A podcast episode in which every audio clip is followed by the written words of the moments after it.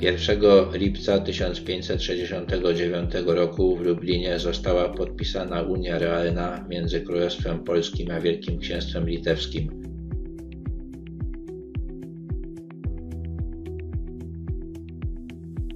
Od czasów Władysława Jagieły Polska i Litwa były połączone unią personalną, to znaczy miały wspólnego monarchę z rodu Jagiellonów. Wszystko jednak wskazywało na to, że Zygmunt August nie pozostawi potomka i trzeba szukać nowej formuły dla tego związku. Radzono nad tym od stycznia.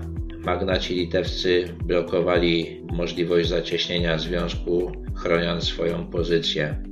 Przełom nastąpił w marcu, kiedy magnateria opuściła Lublin.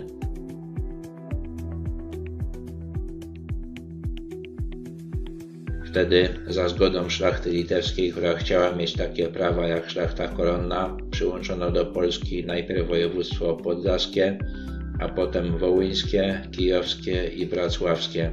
To zmusiło magnatów do ustępstw. Uzgodniono, że powstanie Rzeczpospolita obojga narodów, na czele której stanie król, wybierany w drodze wolnej elekcji. Do wspólnego Sejmu wejdzie 120 posłów z korony i 48 z Wielkiego Księstwa Litewskiego. W Senacie będzie 113 senatorów koronnych i 27 litewskich. Waluta będzie wspólna, natomiast odrębne będzie wojsko, systemy skarbowe i sądownictwo. 4 lipca Zygmunt August zatwierdził Unię